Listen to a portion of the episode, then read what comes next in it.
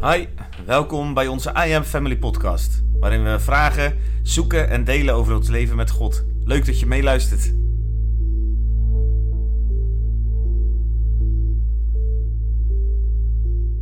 Ehm, het grappige is namelijk, Diet heeft een tekst uitgekozen uit Romeinen 2.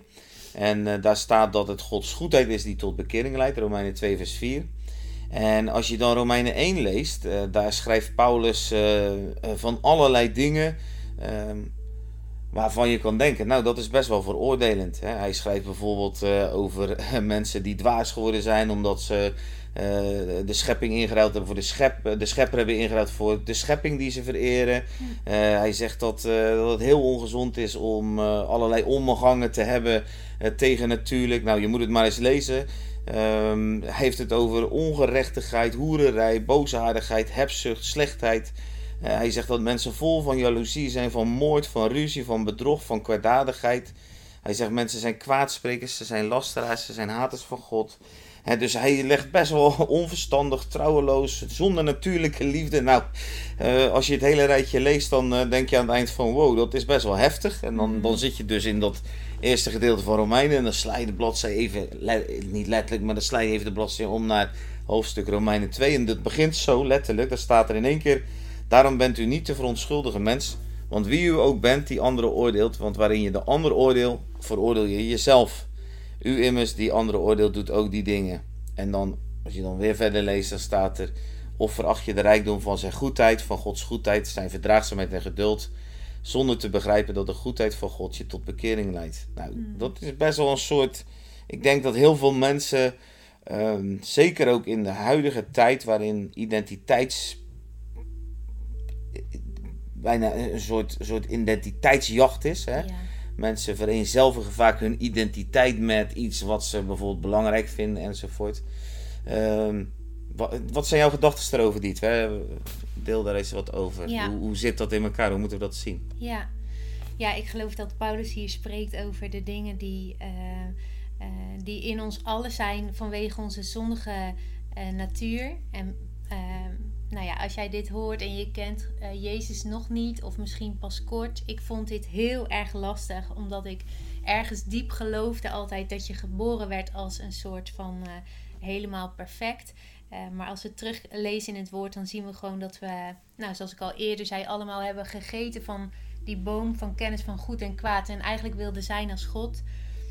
En het woord zegt ook: buiten u is er geen goed in mij. Dus ehm, Paulus benoemt die dingen die in ons zijn. En hij zegt daarmee eigenlijk: vanuit jezelf kom je hier niet vanaf. Eh, je we hebben allemaal Jezus nodig. We hebben zijn offer nodig. eh, om ons te herstellen en vrij te maken van al deze verlangens en behoeftes.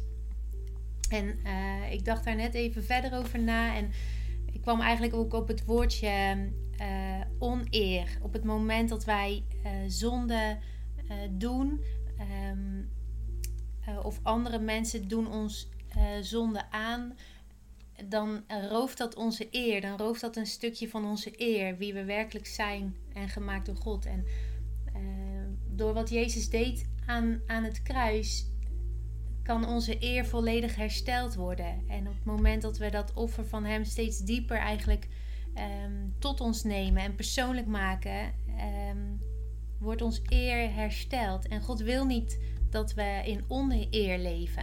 Dus wat Paulus hier zegt is eigenlijk: dit is niet, niet goed om te doen, want het, het, het zonde leidt tot de dood.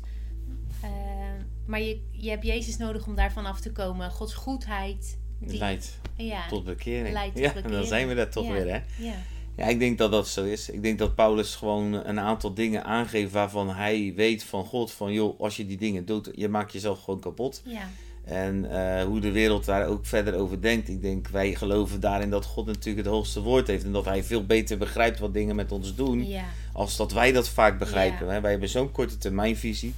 En eh, ook dat zou je kunnen vergelijken met een vader en een gezin. eh, als je kinderen 8, 9 jaar zijn of, of 3 of 4. je hebt gewoon veel meer visie voor hun leven als dat ze dat zelf al hebben.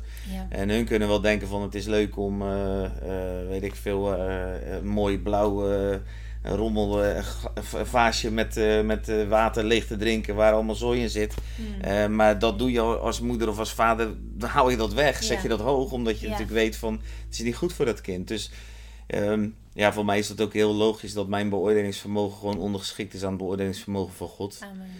Wel is het, vind ik, altijd jammer dat mensen zich heel snel veroordeeld voelen. Dus eigenlijk gedragen ze zich net als zo'n kleuter waarvan je dan zegt van...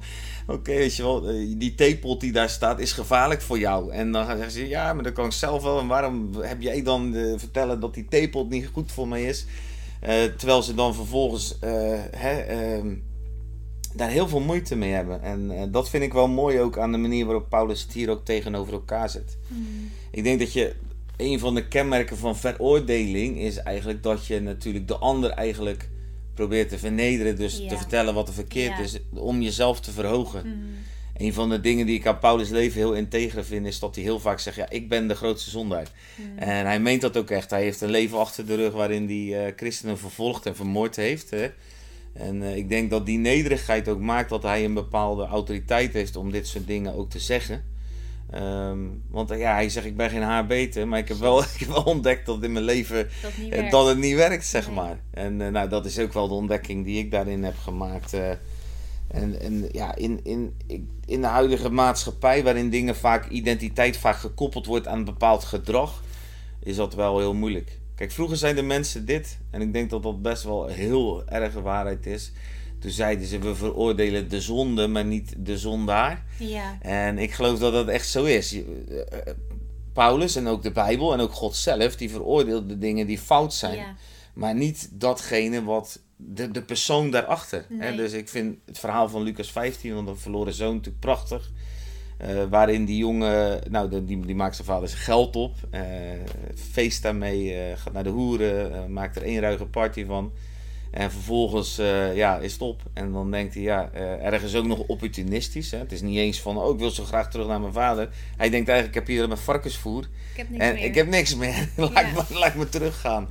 En het mooie is, van, zelfs al is zijn motivatie zelfs nog discutabel, dat mm daar uiteindelijk als hij teruggaat naar die vader, die het beeld is van God, dat die vader helemaal niet bezig is met wat hij fout gedaan heeft, maar dat die vader bezig is met hem. Ja. En dat die vader heel goed begrijpt dat alles wat fout gegaan is in zijn leven zoveel consequenties heeft en dat dat zichzelf eigenlijk straft. Hè? Ja. Ik denk dat dat ook echt zo is. Ik heb, ik heb wel allerlei, uh, dat lijstje wat hier voorkomt in Romeinen uh, eh, 1, ja, daar staan allerlei dingen die ik in mijn leven ook geleefd heb. Hè. Dus ik heb op allerlei manieren op seksueel gebied uh, ongelooflijk ontspoord geweest. En het heeft zoveel van mij geroofd. Ja bepaald moment dacht ik, wie ben ik nou eigenlijk, weet je wel? Eh, wie ben ik? Wat, wat, wat drijft mij? En elke keer als je dan weer allerlei contact had, het, het maakte je nog leger en nog, uh, nog zinlozer werd alles, waar we het ook in de eerste podcast over hadden.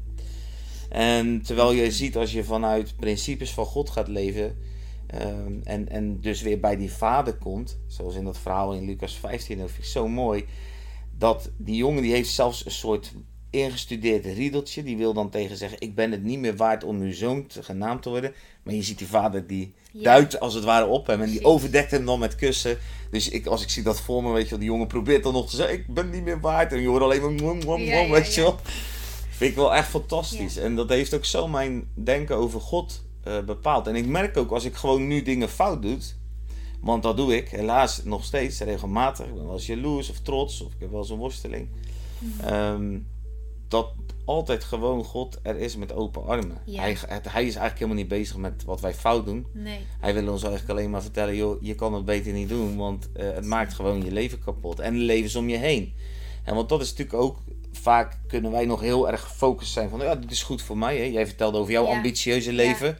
Ja. En als je dan alleen naar jou zou kijken, nou, dat is, uh, dan zou dat best nog goed kunnen zijn. Hè? Zo zou mhm. je kunnen, kunnen redeneren. Uh, dat jij ervoor gaat om de beste te zijn en te jagen naar meer. En, uh, maar om je heen gebeurt er ook van alles natuurlijk. Met de mensen die uh, daar ook onder hebben moeten lijden. Ja. Tenminste, Dat, zo werkt het. Ja, ja. ja absoluut. Ja.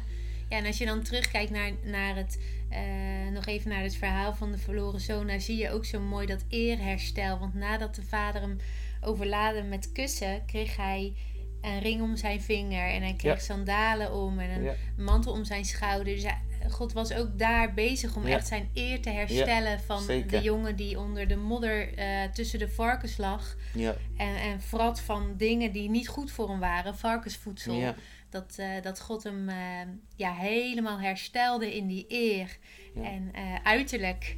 En vervolgens ook dat zijn denken daarin meeging. ja. Ja, Ja, heel mooi, ja. En ook heel specifiek, hè. Want hij had bijvoorbeeld een van de gekste dingen die hij gedaan had... is dat hij de helft van het vermogen van de familie eigenlijk Mhm. er doorheen had gejaagd. En het grappige is dat hij krijgt dus die zegelring bijvoorbeeld. Dat is een van de voorbeelden. Maar die vind ik altijd wel heel mooi, omdat dat ook in ons denken heel beeldend is. Dus direct krijgt hij van die vader de zegelring. Maar een zegelring was in die tijd eigenlijk gewoon een pinpas. Want daar kon je Ja. gewoon je stempel mee zetten. En dan kon je de andere helft van het vermogen er ook nog mee doorheen jagen als Ja. je zou willen. En eh, dat vind ik echt bizar. Maar ik heb God ook zo ervaren. Als je het over Gods goedheid hebt, is het niet zozeer dat hij alles maar goed vindt. nee. Hè, want dat denken wij vaak in ons menselijke denken wel van... Oké, eh, het is mooi als we alles maar goed vinden. Nou, er is geen gezonde ouder eh, die zijn kind alles maar laat doen... omdat je denkt van, oh, dat is zo leuk voor ze of dat is zo goed voor ze. Helaas gebeurt dat denk ik wel te veel, maar dat is een hele andere podcast, denk ik. Maar Gods goedheid is dus niet zozeer van ik zie het wel door de vingers of ik laat het wel gaan. Nee, God die wil gewoon graag jou helpen om je leven zo in te richten dat je eh, optimaal gelukkig bent. Ja. Ik denk dat dat ook bekering uiteindelijk is. De vrucht van bekering is uiteindelijk dat je vrede, vreugde en gerechtigheid in je leven terug gaat zien. Nou, we zitten er voor nu alweer op, dus we willen dat ook gewoon nog even een momentje met je uitbidden. Dat als je hiernaar luistert, dat je als het ware zo die liefde van die vader ook mag ontvangen. En Hmm. waar je je ook veroordeeld hebt gevoeld, omdat mensen vaak eh, veroordeling, ze gebruiken eigenlijk dat wat God geeft om jouw leven fantastisch te maken, gebruiken ze om jouw leven, eh, om, om zichzelf te verhogen. En dat is veroordeling. Veroordeling is dat je naar een ander wijst om jezelf te verhogen. En als dat in jouw leven gebeurt, is ook zeker door christenen, dan willen we daar ook echt vergeving voor vragen. Ja, Ook al zijn die mensen daar nog even standvastig in en blijven ze even veroordelend. Het is niet het beeld van God wat, ze, hebben, wat, ze, wat ze naar je hebben toe laten zien. Het beeld van God is een liefdevolle vader die zijn armen wijd open heeft. En welke narigheid jij ook eh, hebt uitgespookt. Of hoe je je leven of dat leven van anderen ook kapot gemaakt heeft. Bij hem kan je altijd komen. En ik moedig je daar echt in aan als je hem niet kent. Nou, eh, ik zou zeggen, just try it. ja. En als je hem wel kent, just try it. Ja. Want we moeten dat ook telkens opnieuw eh, gewoon doen. Naar die vader toe met al onze shit en sores. En dan, eh, dan kunnen we die omhelzing ontvangen. En ik bid echt als je luistert. Ja, ik, ik, ik zou bijna zeggen, doe gewoon even je handen open. En, en richt je een moment op die vader als deze podcast straks zo weg is. En laat hem gewoon eens even tot jouw hart spreken in liefde. En de liefde die hij heeft is zo oneindig. Hij is zo'n perfecte vader. Ja, En hij kijkt echt zo niet naar wat je fout gedaan hebt. Hij kijkt zo naar jouzelf. Hij kijkt, niet, hij kijkt zo niet naar wat jij fout gedaan hebt, maar hij kijkt zo naar jouw hart. Hij kijkt zo naar wie jij bent. En als het ware wil hij al die dingen overdekken met kussen. En hij wil je ook helpen om, als daar shit is in je leven, als er dingen fout gaan zijn, om dat weer gewoon oké te maken, zodat je gelukkig kan zijn. En dat de vreugde in je leven kan komen. Nou, dit was het alweer voor deze keer. De volgende komt er natuurlijk weer snel aan. Heb je vragen? Stel ze gerust. Heb je antwoorden? Laat het ons ook weten. Je kunt ons bereiken via www.imloft.nl. En voor nu, blijf dicht bij God en tot de volgende keer.